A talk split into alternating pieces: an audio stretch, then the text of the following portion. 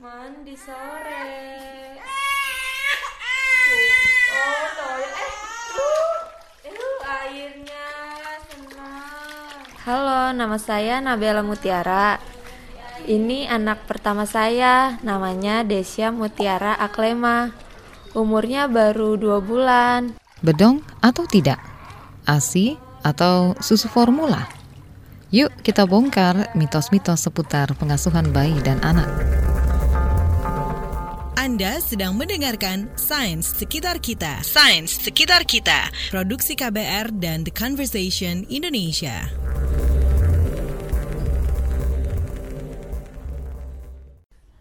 Anak pinter pakai baju dulu ya. Minyak telon sudah, bedak sudah, pakai baju juga sudah.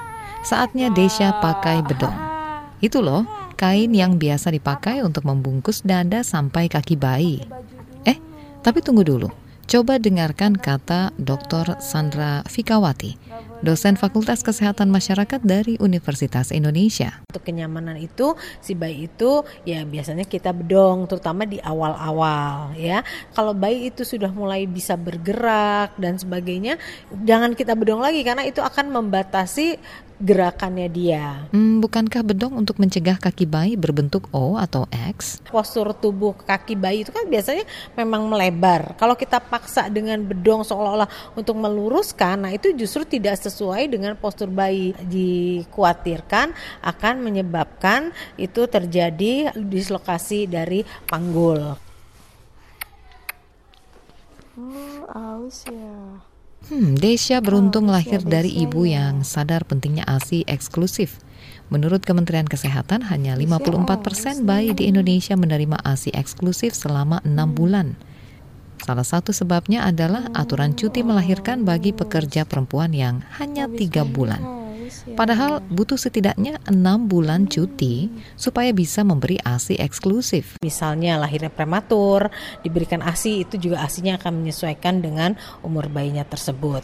Kandungan gizi dari ASI itu paling cocok untuk uh, si bayi tersebut. Kemudian juga dia mengandung berbagai zat kekebalan tubuh ya, antibodi yang membuat si bayi itu lebih tahan terhadap berbagai penyakit, terutama untuk uh, pencegahan penyakit uh, diare. Ibu menyusui tak perlu khawatir asinya tidak cukup. Kata dokter Sandra, ini yang bikin banyak ibu stop ASI di tengah jalan dan berpaling ke susu formula. Riset menyebut asupan gizi ibu menyusui ternyata jauh berkurang jika dibandingkan saat kehamilan.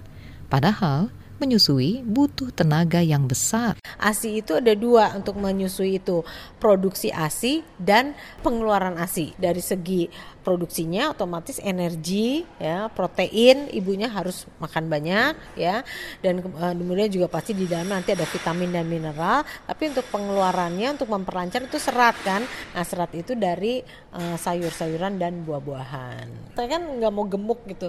Jadi seharusnya justru makan di situ yang paling enak. Karena dengan kita makan tapi tetap kita bisa memberikan uh, asi. Jadi keluar kan makanan yang kita makan. Jadi makannya juga enak tapi tetap badannya bisa langsing Dikit lagi udah.